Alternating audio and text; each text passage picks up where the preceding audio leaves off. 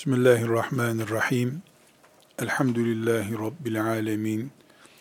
Ve sallallahu ve sellem ala seyyidina Muhammedin ve ala alihi ve sahbihi ecma'in.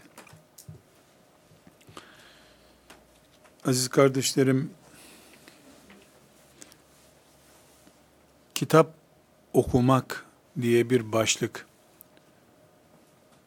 açsak mı açmasak mı diye tereddüt ediyorum.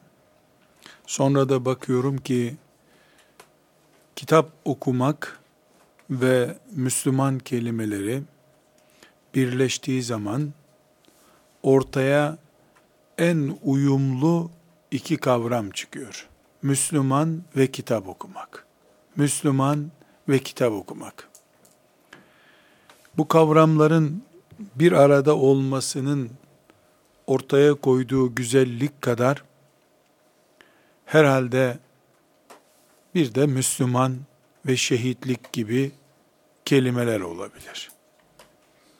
Bu sebeple kitap okumaya nasıl bakacağız, nasıl bakmamız gerekir sorusunun açılımına girmek istiyorum. Her şeyden evvel kardeşlerim,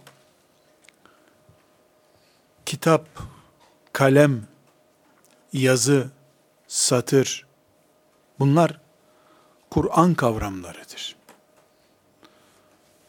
Kur'an'da kalem diye sure var. Allahu Teala'nın yemin ettiği şeyler arasında kalem var, defter satırları var. Eğer tefekkür kabiliyetimiz kökünden imha olmadıysa zihinlerimizde oturup ciddi ciddi düşünmemiz gereken şeyler bunlar. Müslümanlar olarak kürsülerde vaaz eden hoca efendilerimiz, çocuklarımızı terbiye eden muallimlerimiz, mesela Allah güneşe yemin ediyor. Ve şemsi ve duhaha aya yemin ediyor. Vel kameri izâ telâhâ deyip bunu Allah'a imanın gerektirdiği mucizeler arasında bize gösteriyorlar, çocuklara gösteriyorlar. Yani güneşe bakıp güneşin azametinden, büyüklüğünden Allah'ı çıkarmak gerekir diye eğitim yapıyorlar. El hak böyle olması gerekiyor. Güneşten Allah'ı bulamayanın, güneşe bakınca Allah'ın kudretini anlayamayanın, akıbetinin kötü olacağını söylüyorlar. Aynı Kur'an'ın kaleme ve satırlardaki yazılara yemin ettiğini bir tefekkür konusu olarak anlayamamak çok ağır bir hatadır. وَالشَّمْسِ وَضُحَاهَا ayeti yani güneşe yemin olsun ayeti neyi delalet ediyorsa Müslüman için Nun vel kalemi ve ma yasturun ayeti de aynı şeyi delalet etmesi lazım. Yani kardeşlerim bir kalem şöyle bir kalem müminin gözünde güneş gibidir. Elbette bu aydınlatır manasında söylemiyorum bunu. Çünkü وَالشَّمْسِ وَضُحَاهَا وَالْقَمَرِ اِذَا تَلَاهَا وَاللَّيْلِ اِذَا يَغْشَى وَالنَّهَارِ اِذَا تَجَلَّى وَالضُّحَى وَاللَّيْلِ اِذَا سَجَى وَالتِّينِ وَالزَّيْتُونِ وَطُورِ سِينِينَ Bu Allah'ın yemin ettiği şeyler. Bunlardan bir tanesi Nun vel kalemi ve ma yasturun değil mi? Allah'ın yemin ettiği şeyler, üzerine yemin ettiği şeyler, herhangi bir şekilde Allah'tan büyük olduğu için yemin ettiği şeyler değildir ki. Biz vallahi deyip yemin ediyoruz çünkü Allah en büyüktür. Yemin onun üzerine yapılır. Allah kendinden büyük bir şeye yemin etmiyor ki. Zeytin nedir? İncir nedir ki Allah ona yemin ediyor ama dikkat çekiyor. Müminin dikkatini çeksin diye vettini ve zeytun diyor. Şimdi zeytin veya incir kuru yemiş olarak anılıyor. Ama ben desem ki, zanla söylüyorum tabi, 50 sene sonra kanser dahil bütün hastalıklar incirin üzerinden tedavi edilebilir bir proje gelecek inşallah desem, bu bir uydurmadır. Ama hiç kimse bunu bana çok fena uydurdun diye itham konusu yapamaz. Niye? Ben diyorum ki güneş nasıl insanlık için biricik bir kaynaksa, güneş olmayınca hayat olmayacaksa, incir de o düzeyde bir nimet olmasaydı Allah ona yemin etmezdi. İncir, insanlık için güneşten aşağı değildir. Çünkü Kur'an seviyesiz bir iş yapmaz. Allah, koca bir güneş, çürük bir incir, bir arada tutmaz Allah bunları. Vardır bir incelik diye iman ediyorum ben. Keşfedemedik. Belki bizim ayıbımız bu. Henüz zamanı gelmedi. Kim bilir nasıl şimdi işte filan nükleer silah yapılıyor, şu kadar uranyum harcandı diyor. Zannedersin ki uranyum harcadı, Ağrı Dağı kadar bir maden, bir avuç içi kadar bir şeyle şu kadar büyük proje üretiyor. Kim bilir gün gelecek insanlık bir tane inciri bölecek, içinden bir çekirdek alacak, o çekirdeği bir uçağın deposuna koyacak, incir çekirdeği, onunla uçak üç defa dünyayı tur atacak. Kim bilir incirde neler var? Güneşten aşağı değildir incir bir defa. İmanım beni dürtüklüyor sürekli. İmanım bunları söylettiriyor bana. Böyle iman ediyorum ben. Kalem de yani yazı, kitap, okumak bunlar Allahu Teala'nın yemin ettiği şeylerse Müslüman bunları filanca yazı yazmış diye göremez. Bunu anlatmak istiyorum. Rabbim benim ve şemsi ve duhaha güneşe yemin olsun diye yemin ettiyse vel kalemi kaleme yemin olsun dediyse o ma yasturun yazdığınız yazılara, yazılmış yazılara ki o yazı başka elbette yemin olsun dediyse Allah Celle Celaluhu oturup müminin perdesini açıp güneşten ne kadar istifade ediyorum Allah'ın yemin ettiği bu büyük nimetten diye. Tefekkür ettiği gibi şu kalem, yazı, kitap benim hayatımda nerede diye bunu da oturup günlerce tefekkür etmesi lazım. Bir ailenin çocuk yetiştirirken, hayat standardı kururken, evinde kütüphane bulunması, aile düzeninin de kitap okumanın nerede bulunduğu, bunlar Müslüman açısından eğer Kur'an-ı Kerim'i tefekkür edeceksek, derin düşüneceksek, bizim ciddi ciddi muhasebe etmemiz gereken şeylerdir. Her halükarda kardeşler, fazla da bu konuya derinlemek istemiyorum, dost kaybederim diye korkuyorum. Çünkü eğer dostlarım, kitap okuyanlar arasından, yazı yazabilenler arasından seçilirse, büyük zarar olur benim için. Bu sebeple hele bir bunu bırakayım. Bu, bu kelimeye girmeyeyim daha fazla. Fakat kardeşlerim, yazı, kitap, okumak, öğrenmek, Allahu Teala'nın kullarına nimet olarak takdim ettiği şeylerdendir. Nun vel kalemi ve ma okuduk. Hepimizin büyük oranda ezber bildiği ikra ve rabbukel ekrem ellezî alleme bil kalem allemel insane ma lem ya'lem. İkra, oku. Ve rabbukel ekram. Senin kerem sahibi, yani iyilikler yapan Rabbinin adıyla oku. Ellezî alleme bil kalem. Kalemle yazmayı öğretti size. Keremi neymiş Allah'ın? Harçlık vermek mi? Hayır. Kalem tutmayı öğretti size. Allemel insane ma lem ya'lem. İnsana bilmediği şeyleri öğretiyor Allah. Çok net. Hepimizin ezber bildiği ayet. İkra ve rabbukel ekram. Ellezî alleme bil kalem. Allemel insane ma lem ya'lem.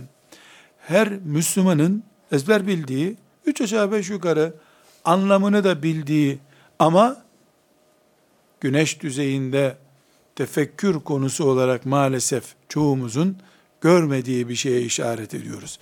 Kalem, defter, satır, kitap, öğrenmek, öğretmek Allahu Teala'nın kulları üzerindeki nimetlerindendir. Bir kere bunu nimet olarak görme düzeyine yükselmemiz lazım. Buradaki nimet olarak görmek, hani bir misafir bir eve geldiğinde, bu ev sizin mi kirada mısınız diye sordu. Elhamdülillah bir ufak tefek işte evimiz var.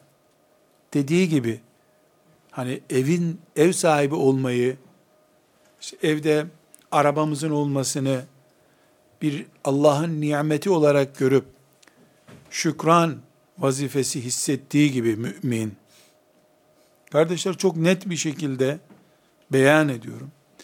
Müslüman bir evi ise bu ev, elhamdülillah evimizde iki çeşit ilmihal var. Biz ilmihalsiz hiç yaşamadık. Bukhari de var evimizde elhamdülillah. Hatta Arapça biz çözemiyoruz ama olur torunlarımdan biri inşallah Arapça öğrenir, Sahih Buharisi hazır olsun. Hani torunlarına da dedeler, ev borcuna giriyorlar ya taksitle. Evet ev Allah'ın nimetidir. Onu da Kur'an'ımız böyle tescil ediyor. Evler de Allah'ın nimetidir ve olmalıdır. Araba da Allah'ın nimetidir. Hadis-i şerifler nimet olarak arabayı önümüze koyuyor. Hadis-i şerif deve diyordu, at diyordu. Şimdi araba oldu o.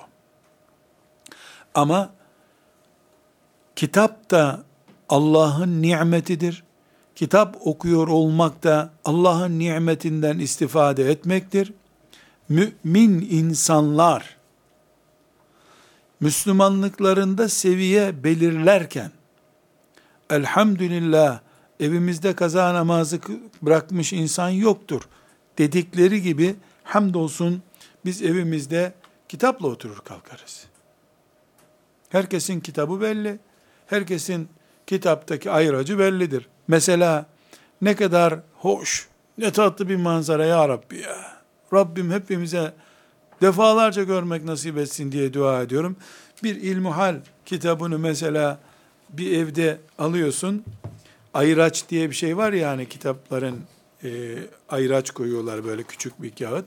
Şimdi e, bilhassa kız öğrencilerin kitaplarında görüyorum böyle motifli, çiçekli şeyler, örmeler filan çorap gibi örmüş kitap ayıracı. Kitaptan kalın kitap ayıracı yapmış.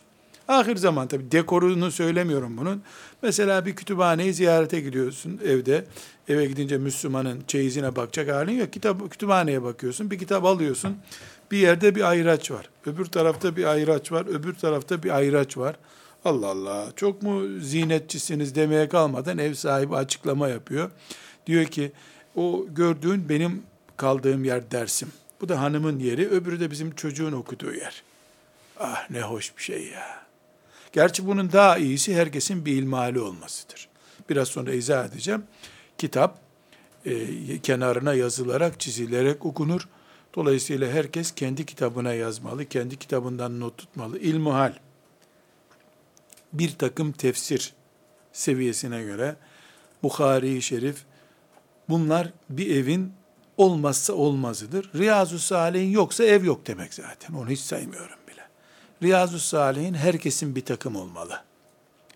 Bukhari-i Şerif e, yani herkesin bir takım olması belki zor olur ama ailede bir tane en azından bulunsun.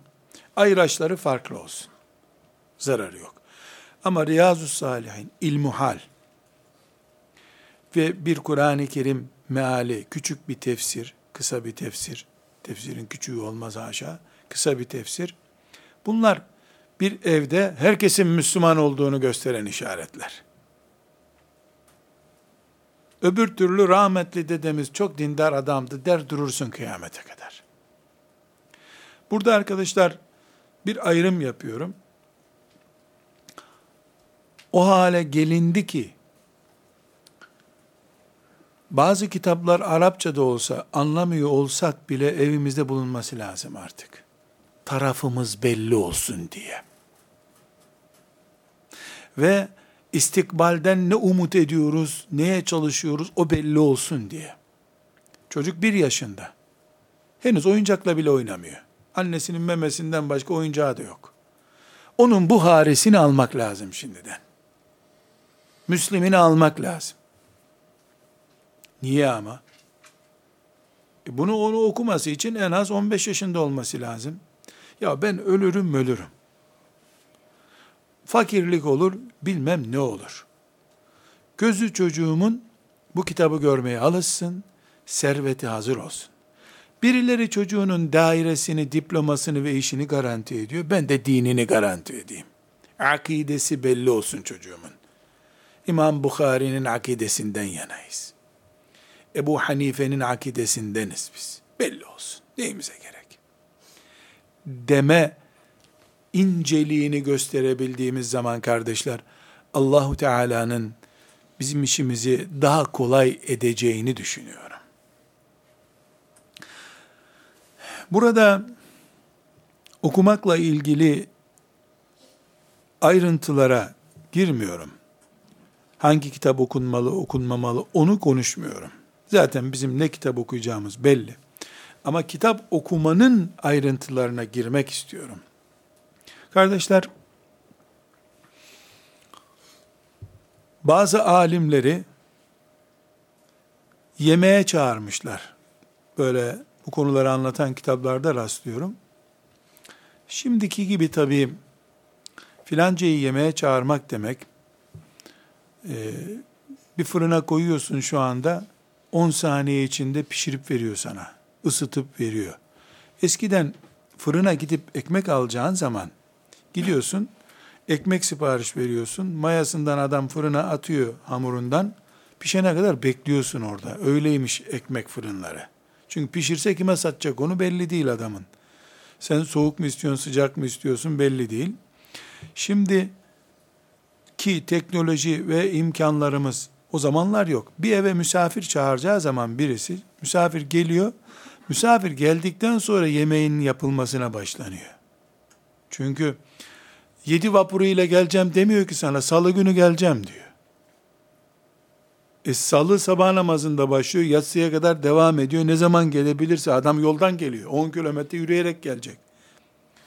Böyle alim adamları çağırdıkları zaman çok enteresan arkadaşlar.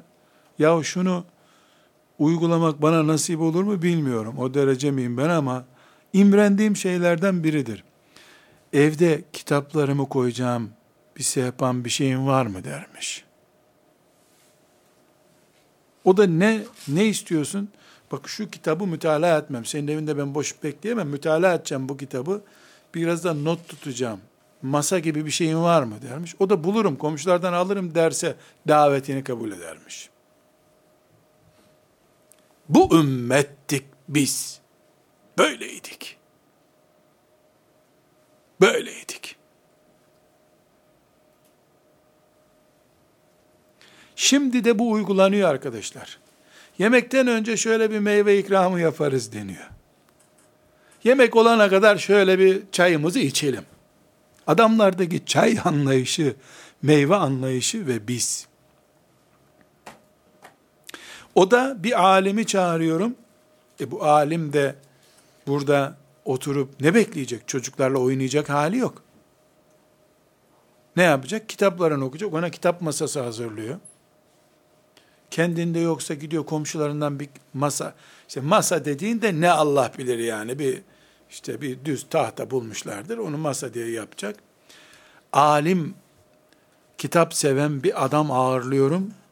Vaktini israf etmeyeyim diye ziyafet dediği de işte bir tarhana çorbasıdır. İşte patlıcan pişirmiştir. Neyse artık ziyafeti yani ki e, böyle kitaplarını koyacak yer soran bir adam bir saat bir ziyafette oturur mu? Siz de bunu varın düşünün artık. Bir saat oturur mu adam orada? Kitabını ziyafete gitmenin şartı olarak koyan bir nesil vardı bizden önce. Şimdi arkadaşlar ben ne yapıyorum? Size geliriz ama araba park yeri var mı evin önünde? Ona göre çok yürütme bizi diyoruz. Park yeri olmayan bir yere gitmiyorum. Gel beni al o zaman diyorum. Çünkü hesap ediyorum park yeri yok. Bir sürü yürütecek beni. Hasbunallahu ve ni'mel vekil. Hasbunallahu ve ni'mel vekil. Allah yardımcımız olsun. Neredeydik ümmet olarak? Nere geldik? Bunları bir umutsuzluk veya çöküntü nedeni olarak da zikretmiyorum kardeşler. Taklit edeceğimiz, örnek alacağımız, kopyalayacağımız modelleri zikretmek istiyorum. Biz buyduk. O kıtlığa, o zorluğa rağmen böyle yaşadılar. Cahız denen bir edebiyatçı var. Ondan da naklediliyor, başkalarından da nakledilen bir sözdür. Abbasi döneminin kaliteli kitap delilerinden biri. Deli, kitap deli. Cahız demek kitap delisi demek. Birisinin kitabını tuttuğunda onu okumadan bırakmayan bir adam. Böyle enteresan birisi. Diyorlar ki, e, ya bir arkadaşın falan yok mu senin? Var diyor. Hiç görmüyoruz etrafında kimseyi kitaplarını gösteriyor. E, arkadaşım bunlar diyor. İnsan özlemiyor musun diyorlar. Özlüyorum içindekileri o kitapların diyor. Çünkü kitaplar bir insanı tarif ediyor. Sahabeyi anlatıyor. İşte veyahut da tabiinden birisini anlatıyor. Ben de onları öğreneceğim. Yani kitapla ünsiyet kuruyor. Bu ünsiyeti eşini özlettirmiyor ona, akrabalarını özlettirmiyor. Kitapların her birini bir akraba olarak görüyor. Burada arkadaşlar bu bir düzey, seviye. Ve bu seviye ikra ve rabbukel ekrem ellezî alleme bil kalem ayetine iman eden ümmetin seviyesiydi. Daha önceki derslerde zikretmiştik. Bir alimle evleniyor.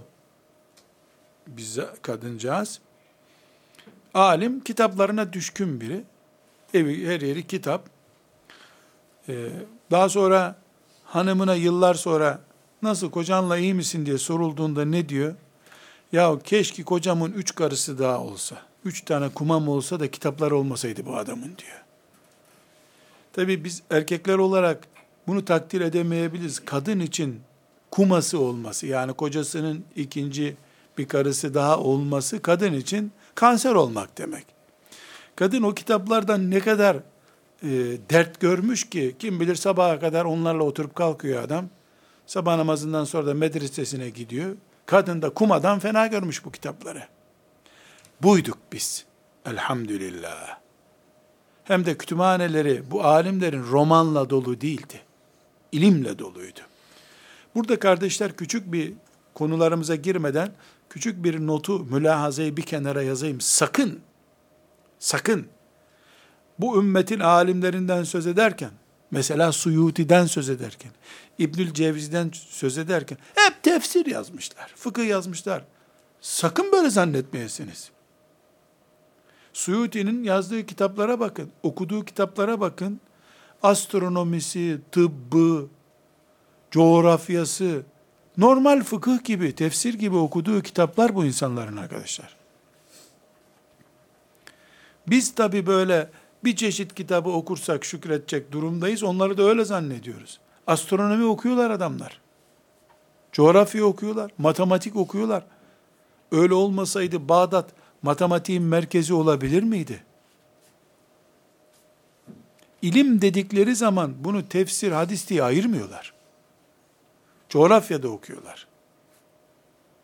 Fakat burada sadece coğrafya, sadece matematik, sadece biyoloji okuyup tefsiri ve Kur'an'ı hocalara bırakanlar e gördün mü biz de mübarek bir iş yapıyoruz demeye yeltenmemelidirler. O tuzak kendi kendine tuzak kurmuş olursun. O 100 kitap okuyordu, 20 tanesi de biyolojiydi. Sen de biyoloji üzerine çalış ama 20 tane de tefsir fıkıh okumuş ol bu arada. Biyoloji mübarek, matematik mübarek, tek başına değil. Kur'an'ın yanında, hadisi şerifin yanında mübarektir. Kardeşlerim, özellikle e, bir noktayı tespit edip daha sonra kitap okumakla ilgili kaidelere veya tespit ettiğim şeylere geçelim. Kardeşlerim, şimdi biz de kitap okuyoruz müminler olarak. Kafirler de kitap okuyorlar, daha fazla okuyorlar. Doğru. Ancak kültürlü bir Avrupalı ile veya Avrupa kafalı biriyle Müslüman birinin kitap okuması arasında müthiş bir fark vardır. Bu farkı bir kenara not ediyoruz pratik olarak. O kitap okurken mümin olmayan insan kitap okurken kültür maksadı ile kitap okur. İlim maksadı ile kitap okur. Dolayısıyla batılı kültürde kitap gayedir. Yani hedef kitap okumaktır. Kitaptaki bilgiyi elde etmektir. İslam ümmetinde kitap sadece bir aracıdır, vesiledir. Asıl gaye Allah'ın rızasını yakalamaktır. Bunun için alemin kalemiyle şehidin kanı, kılıcı denk tutuluyor. Veya karşılaştırma yapılıyor. Bizde Müslümanlar olarak kitap ana gaye değildir. Kitap yoluyla Allah'ın rızasını kazanmaktır gayemiz.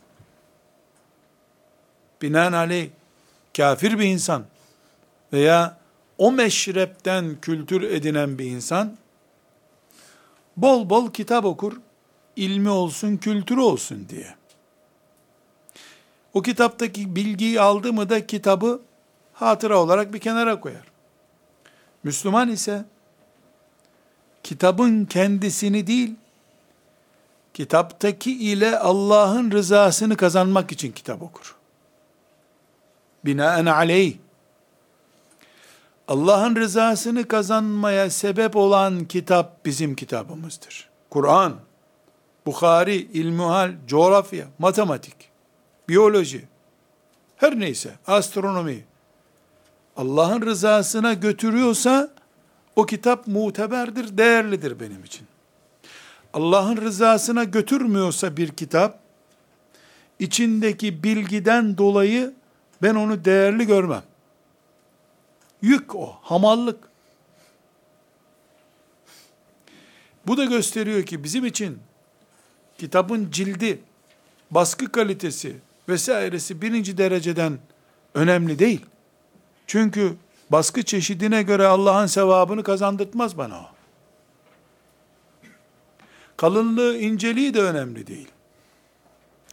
10 sayfalık küçücük bir risale benim için 10 ciltlik bir ansiklopediden daha değerli olabilir. Oluyor da nitekim. Biz kitabın kendisini değil, bizi ulaştırdığı yeri gaye ediniyoruz. Mümin olmayan kültürlerde ise kitabın kendisi gayedir, hedeftir. Aramızda böyle bir fark var. O sebeple biz kitap okurken hem kitabın muhtevasındaki bilgilerden istifade ederiz, hem de O sayede ibadet yaptığımız için Allah'ın rızasını kazanırız. Bu ayrıntı çok önemli arkadaşlar. Çok önemli. Birisi kitap okurken uykusuz kaldığında saflığına yansın deriz. Benim kaldığım uykusuzlukları teheccüden sayarım. Bu yüzden batılı bir kültürde o kültürden etkilenmiş kafaların sahiplerinde bu kitaba ben para verdim. Ben bunu okuyacağım. Sen benim kitabımdan niye okuyorsun ya? Der. Çünkü para verdim, paramın karşılığını hizmet olarak alacağım bu kitaptan der. Sen de kendin para ver oku. Mümin ise ben okudum sen de bir oku diye ricada bulunur. Tıpkı ne gibi? Ben camiye geliyorum, sen de camiye gel der gibi. Neyi vurguluyorum arkadaşlar? Kitabın dünyamızdaki yerini, beynimizdeki yerini tespit etmeye çalışıyorum. Bunun için mümin bir insan bir düğüne giderken, bir ziyarete giderken bir kitap götürdüğünde hediye olarak bunu kasteder. Maksadı budur. Yahu bir kilo tatlı getirmeye acımış da dolabından eski bir kitap getirmiş derler diyorsa öyle bir evde ne işi var zaten diye sorarız biz de. Böyle diyecek bir evde Müslümanın ne işi var? Dedirtmemek lazım ayrı bir konu. Kardeşler şimdi yaramızı tedaviye geçebiliriz. Nedir yaramız? Misafirliğe gelirim ama kitaplarımı okuyacağım bir yer verecek misiniz bana evinizde? Diyen nesilden ya şöyle bir hoş muhabbet edelim diyen ya da uzanacağımız yer var mı akşam nerede yatıracağım bizi diyen nesle nasıl geldik? Niye Rabbimizin en büyük nimetlerinden biri olduğu halde kitap, kalem, defter okumak, bizim dünyamızda okul ödevi veya diploma için zorunlu, imtihan kazanmak için zorunlu olduğu zaman var. Ama ibadet yapmak, Rabbimin rızasını kazanmak gibi bir maksatla bir türlü gündeme gelmiyor. Neden? Bunu e, sormamız gerekiyor. Bunu sorarken de açacağımız başlıklar arasında arkadaşlar kaliteli bir kitap okuma, kaliteli bilgi edinme ve bu sayede de Allah'ın rızasını kazanma konusunda neler yapabiliriz? Ön bilgi diyelim. Böyle bir tartışma e, konusu değil de daha ziyade zihin e, açıklığına sebep olacak başlıklar açacağız inşallah. Kardeşlerim, kitap okumanın birinci sorunu kör okuyuştur. Kitap gıdadır, ilaçtır. Ne kadar bulduğunu yiyebiliyorsa insan, kutusu güzel ilaçtan alıp içiyorsa, kitap da o kadar bulduğunu okursun, hangisi rastlıyorsa okursun, kitap da o kadar öyle olabilir. Kitap gıdadır. Gıda olduğu için de kitabı seçerek hastalığıma göre ihtiyacıma göre gerektiği gibi gerektiği kadar okumak zorundayım. Kitap değerlidir diye kör teslimiyet yapamayız kitaba. 1950'li yıllardan sonra Türkiye'de yaşayan Müslümanlar bu sözünü ettiğimiz kitaba karşı geri kalmışlık zafiyetimizden dolayı bir tür komplekse kapıldılar. Bu kitapta da, kültürel yayınlarda, gazetede, dergide de oldu. Bizim gençliğimizde bazı arkadaşlarımız yüzde yüz İslami duygular taşıdıkları halde isim zikredip bu meclisimizi kirletmeyeyim. Cumhuriyet kurulduğundan beri e, Cumhuriyet ilkelerini savunan bir gazeteyi hususi alırlardı.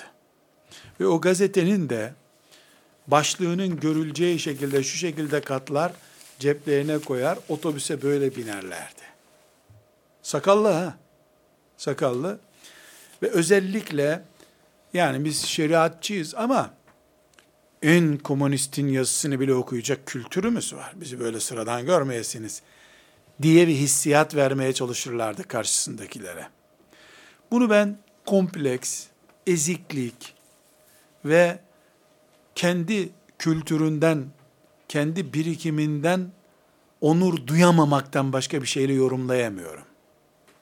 Bu hastalığın tamamen kalktığını zannetmem şimdi ama çok fazla benim yanıma girip çıkan ya da benim girip çıktıklarımda bu işaretleri görmediğim için benim gençliğimde böyleydi diye yorumlamak istedim.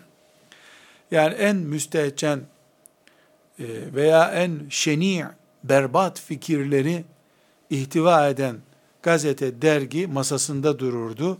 E, kültürel birikimi de olan birisi görüntüsü verecek.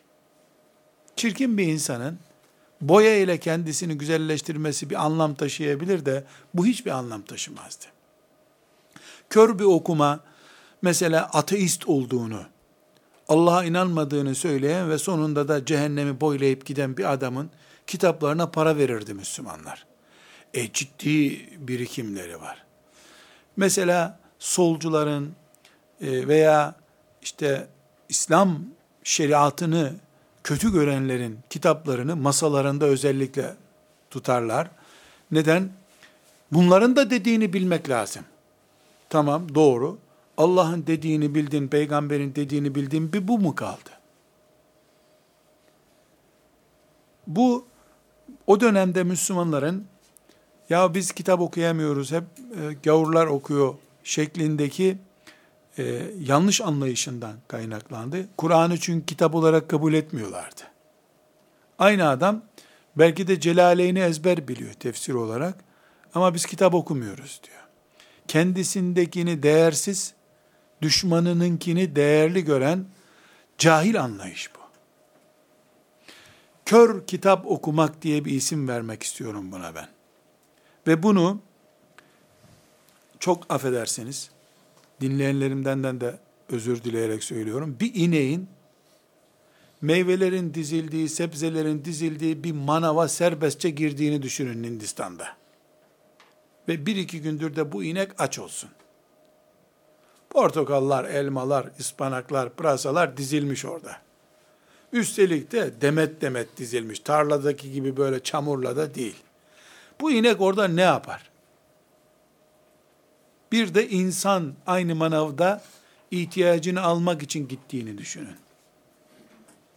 Bir kitap fuarına gidip kitapların kapağına göre, yazarının şöhretine göre veya benzeri bir görkeme göre kitap satın alıp evine götürüp çoluk çocuğuna gösteren, okuyan bir insanın özür dileyerek söyledim.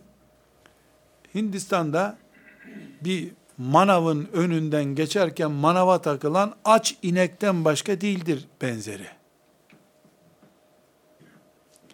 Ama bir ev hanımı veya bir baba evinin sebze ihtiyacını karşılamak için manava gittiğinde ihtiyaç olan şey ıspanaklı börek yapılacak. Şuradan bir demet ıspanak ver der.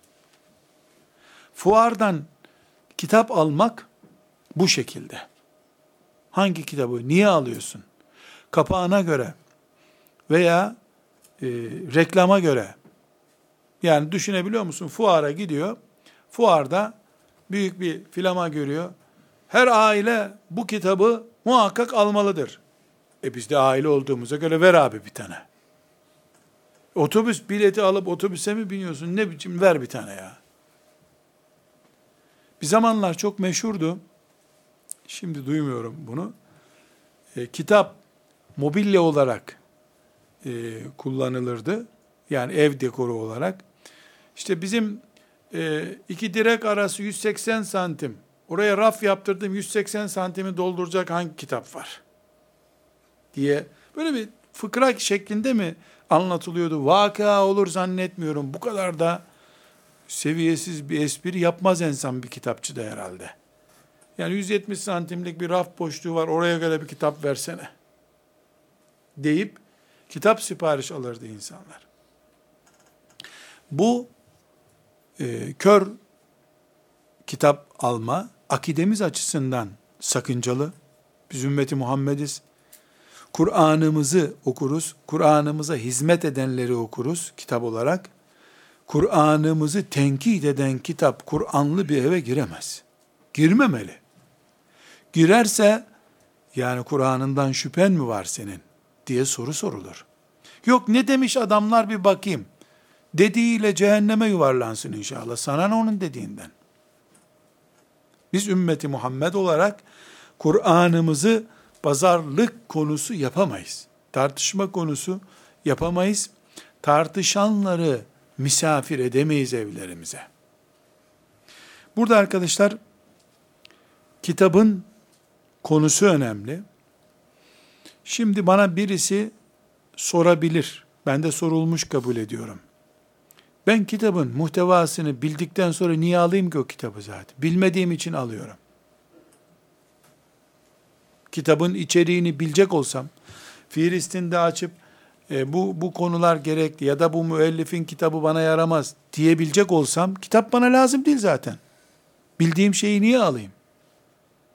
Diyebilir.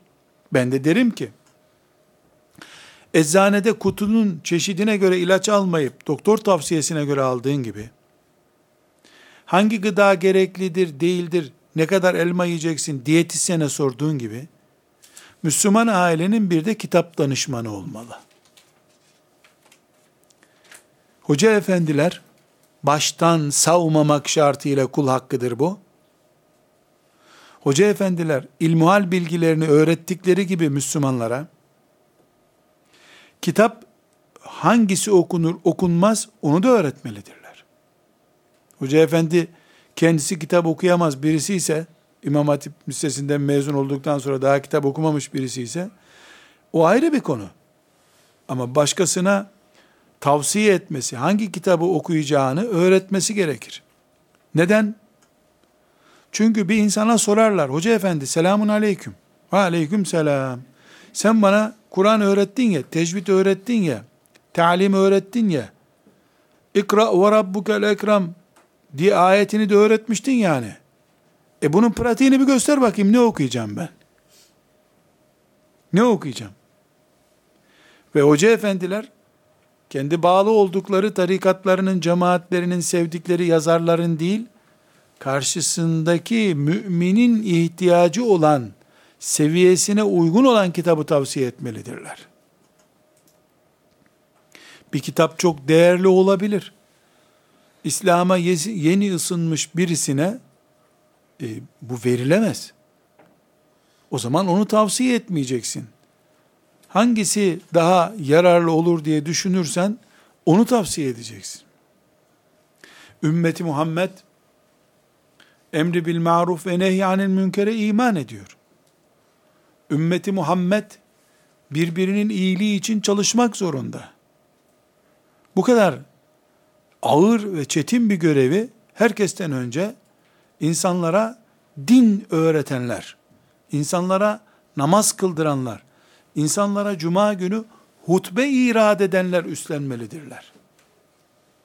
Bir hoca efendi, Ramazan-ı Şerif'te insanlar muhakkak oruçla ilgili sorular sorarlar diye, Ramazan'da bir oruç cevapları zihninde hazırladığı gibi veya camideki odasında ya da öğretmen masasında hazır cevapları olduğu gibi e, lise talebesine, e, lisede okuyan kızlara, e, üniversitede okuyanlara, ilahiyatçılara diye özellikle 5-10 çeşit kitabı tavsiye etmelidir. Ve bu tavsiyenin de kıyamet günü sorumlusu olduğunu bilmelidir zındıklığı olan birisinin kitabını tavsiye edersin. Ondan sonra da o onun akidesini ifsad eder. kıyamet günü dirilirsin o evvalle. Kitap tavsiye etmek o kadar kolay değil. Onun için diyorum bir kitap danışmanı olmalı Müslümanın. Kalbi rahat ederek yani bu e, zat bana tavsiye etmişti e, vebali de onundur zaten diye özellikle kendimizi e, rahata ya da güvene almış oluruz diyelim. Rahat demeyelim de güvene almış oluruz. Kardeşlerim, kitap bu ümmetin ekmeği suyu kadar ihtiyacıdır. Teknoloji kitabı öldüremiyor. Elhamdülillah hala öldüremedi. Bilgisayar veya benzeri cihazlar vaktimizi öldürdüğü için kitaba ihtiyaç hissetmiyoruz.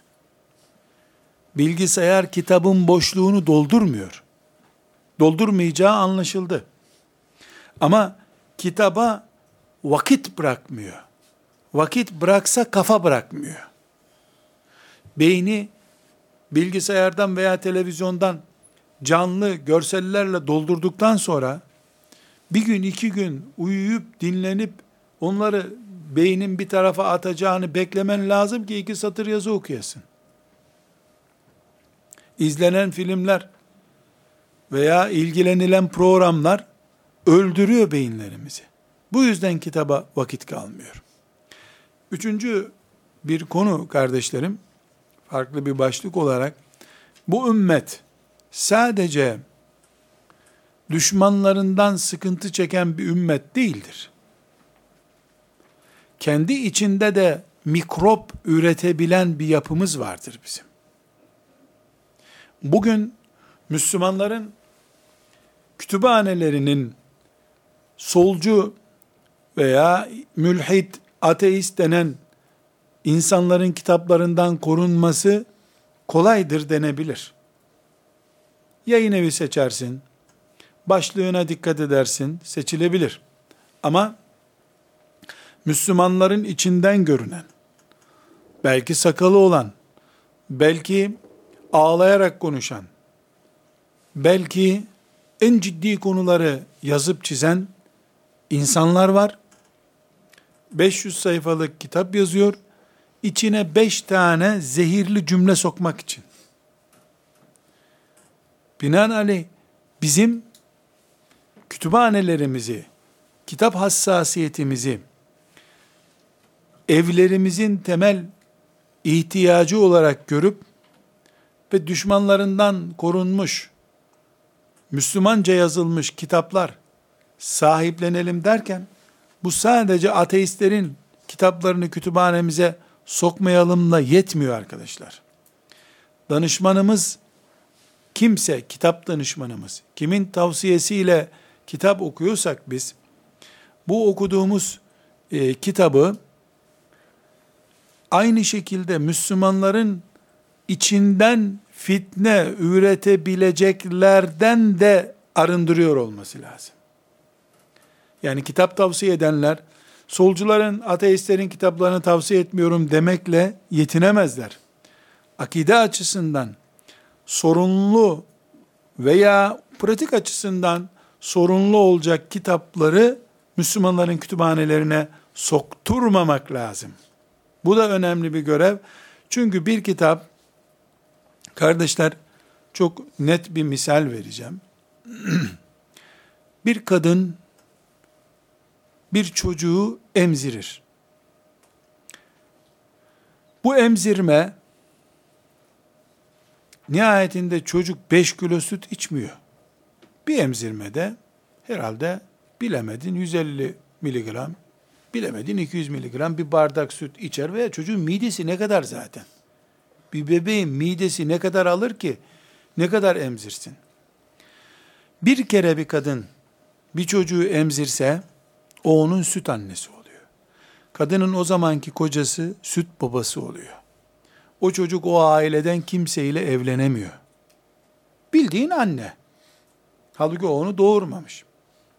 Şimdi çocuğun midesinin ne kadar aldığını bilmiyorum ama herhalde 500 gram alır. 500 gramlık bir mideye çoğu da idrarıyla akıp gidecek olan 100 gram süt emzirdiğini düşünün bir kadının. Yani e, bir fincan kadar, bir kahve fincanı, orta boy bir kahve fincanı kadar emdiği zaman şeriata göre e, süt emmiş ve süt annesi olmuş kabul ediyoruz bunu. Şimdi arkadaşlar, e, bir kadın bir fincan süt emziriyor, büyük oranda da idrarıyla, dışkısıyla gidecek o. O 100 gram diyelim, 100 miligram sütten kalsa kalsa bir gramı kalır vücutta. Bir gram. Neden? Şimdi ben bunu tıbbi bilgiyle söylemiyorum, zanla söylüyorum. Anne çocuğa günde belki yarım kilo süt emziriyordur. 100 gram emziriyor diyelim. 100 gramın yüzü de kalsa çocuk 10 günde 1 kilo. 100 günde 10 kilo 2 senede çocuğun ortalama bebek bebeği kastediyoruz 50 kilo falan olması lazım. Yani 24 aylıkken 50 kilo çocuğu emzirmesi lazım annenin. Sütün tamamı kalmıyor. Ne kadar kalıyor bilmiyoruz ama 1 gram 2 gram kalıyor veya kalmıyor.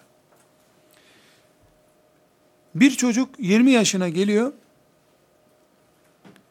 süt kardeşiyle evlenemiyor.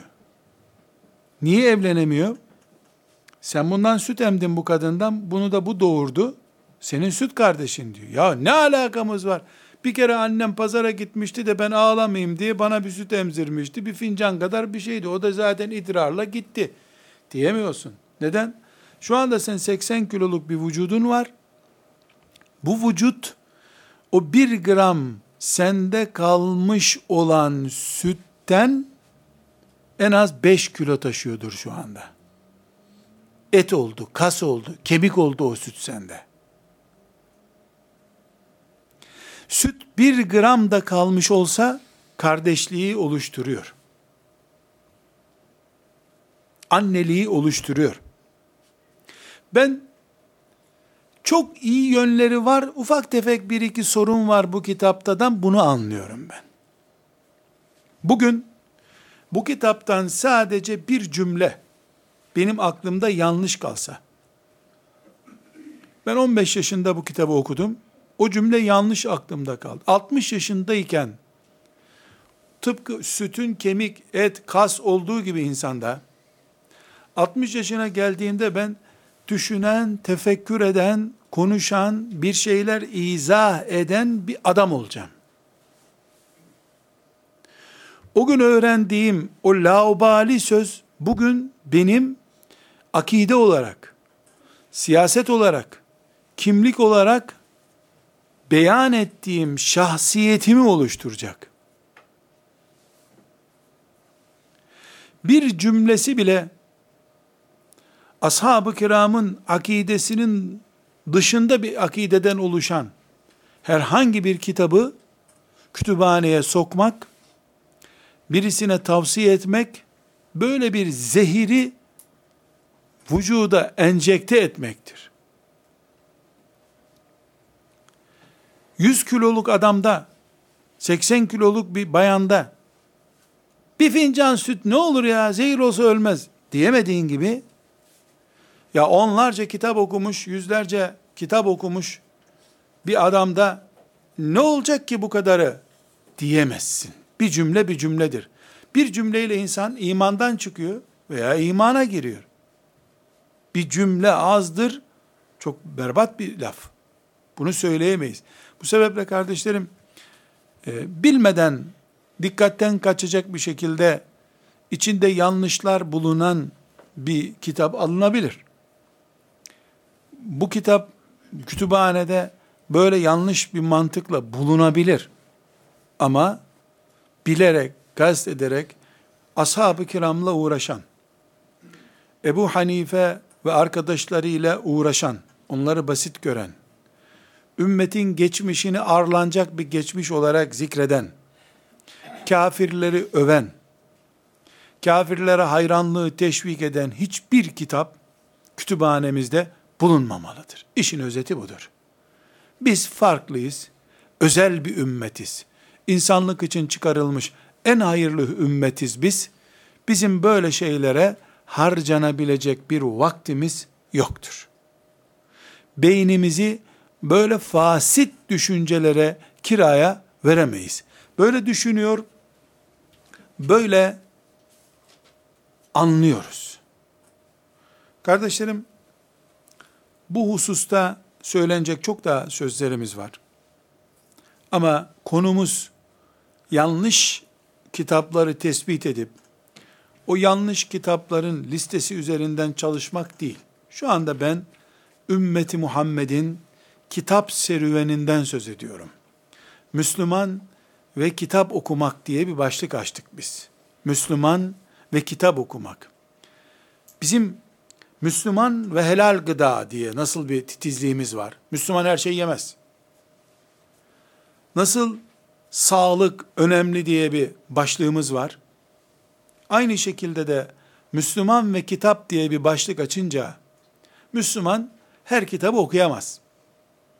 Çünkü Müslümanın vakti değerli. Akidesi şaibe kaldırmaz, tereddüt kaldırmaz bir akidedir. Bunlar hakikat mı? Hakikat. Bunlara yapılabilecek bir itiraz var mı? Yani bizim akidemiz tartışmaya açılabilir bir akide midir? Ashab-ı kiram, ümmetim selefi salihini, ulu orta, çoluk çocuğun lisanıyla konuşulabilir biri midir? Bizim ibadetlerimizi tartışabilir miyiz biz? Cuma namazımızı konuşabilir miyiz biz? Haramlar, helaller konusunda e bir çağa göre bir ayarlama yapabiliriz diyebilir miyiz biz?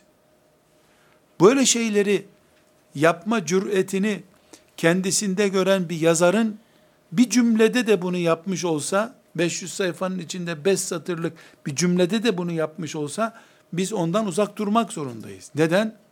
Çünkü elektrikle çıplak bir kabloda en küçük temas, beni keban barajının gücüyle öldürüyor. Santralden çıktığı noktada bir santim bile değil benim temas ettiğim kablo, bir santim de değil, milyonlarca watt güçle beni öldürüyor. Çünkü onun ulaştığı nokta çok yüksek enerjili bir nokta. Ben onun çok küçük bir noktasına temas ettim. Aynı şekilde bir yazarın ifsad eden en basit düşüncesi bile benim için öldürücüdür, imanıma zarar verebilir. Nitekim dönün arkadaşlar, şurada burada eğri büğrü konuşmalar yapan insanlara bakın, şu noktada ümmeti Muhammed'i rencide eden, ağır sözler kullanan çizerlere, yazarlara bakın, geri dönün, araştırın, onun bir konferansta dinlediği, bir kitaptan okuduğu berbat bir cümle onu kaydırmıştır. Tıpkı sineye bakıp, filanca şeye bakıp, heyecanlanıp iman eden bir kafir gibi, Müslüman da ayağa kayacak, beyni sarsılacak küçük bir cümleye takılıp imandan gidebiliyor. Biz örnek olarak hep filanca gavur, işte filanca gezegene bakmış, ya Allah deyip iman etmiş. Ne kadar güzel. Bir Müslüman da Amerikan uyduları filan yerde diye defalarca haber izledikten sonra o adamlara bak ya aya çıktılar biz hala Kabe'ye vizesiz gidemiyoruz böyle İslam'ın deyip İslam'dan çıkma ihtimalini niye düşünmüyoruz? Hep iyi alternatifler üzerinden kendimizi avutuyoruz. Riskler üzerinden ise hiç hesap yapmıyoruz. Durum böyle ise o zaman biz yanılıyoruz. Kitap içinde zararlı şeyler, ümmeti Muhammed'in ortak değerleri dışında ihtilaf üreten, sorun üreten, ümmeti Muhammed'in ayıplarını gündeme getiren ve kışkırtan kitaplar ise kütüphanemize sokamayız. Bizim kütüphanemiz akidemizi yansıtıyor çünkü. Ve sallallahu ve sellem ala seyyidina Muhammed ve ala alihi ve sahbihi ecma'in velhamdülillahi rabbil alemin.